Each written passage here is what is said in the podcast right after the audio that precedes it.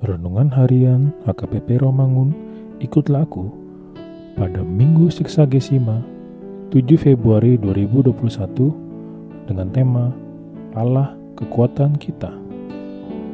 Firman Tuhan hari ini diambil dari Yesaya pasal 40 ayat 27 sampai dengan 31. Demikian firman Tuhan. Mengapakah engkau berkata demikian, hai Yakub, dan berkata begini, hai Israel? Hidupku tersembunyi dari Tuhan, dan hakku tidak diperhatikan Allahku. Tidakkah kau tahu dan tidakkah kau dengar? Tuhan ialah Allah kekal yang menciptakan bumi dari ujung ke ujung. Ia tidak menjadi lelah dan tidak menjadi lesu. Tidak terduga pengertiannya.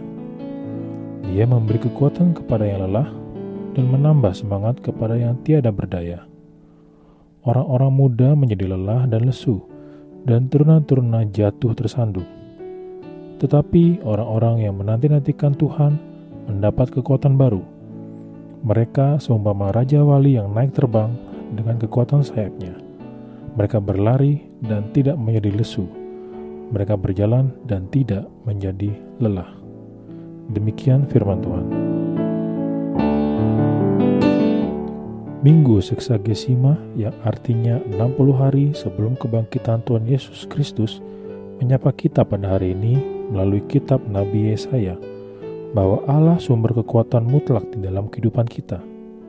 Ketika Allah memberi kekuatan kepada kita, kita seumpama Raja Wali yang naik terbang dengan kekuatan sayapnya, berlari dan tidak menjadi lesu, berjalan dan tidak menjadi lelah. Sungguh dahsyat kuasa kekuatan Allah di dalam kehidupan kita. Pada dasarnya Allah menghendaki bahwa kehidupan Kristen itu sebagai kehidupan yang penuh gairah dan bersemangat. Semangat yang ada dalam diri orang Kristen berasal dari Roh Kudus. Ialah kausa yang menggerakkan orang-orang Kristen untuk berbuat hal-hal benar dan besar dalam kehidupan. Melalui firman Allah ini, Tuhan mengatakan kepada kita bahwa segala kendala yang kita hadapi dalam hidup tidak boleh membuat kita takut, lemah, dan kehilangan keberanian kita.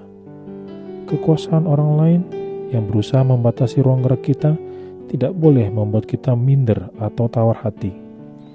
Tentu Allah lah yang menguatkan kita dalam setiap keluh kesah kita. Tuhan tidak pernah tersembunyi dan meninggalkan kita dari setiap pergumulan yang kita hadapi.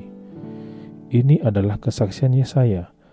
Allah tidak pernah menjadi lelah dan menjadi lesu melihat kelemahan yang ada di dalam diri kita.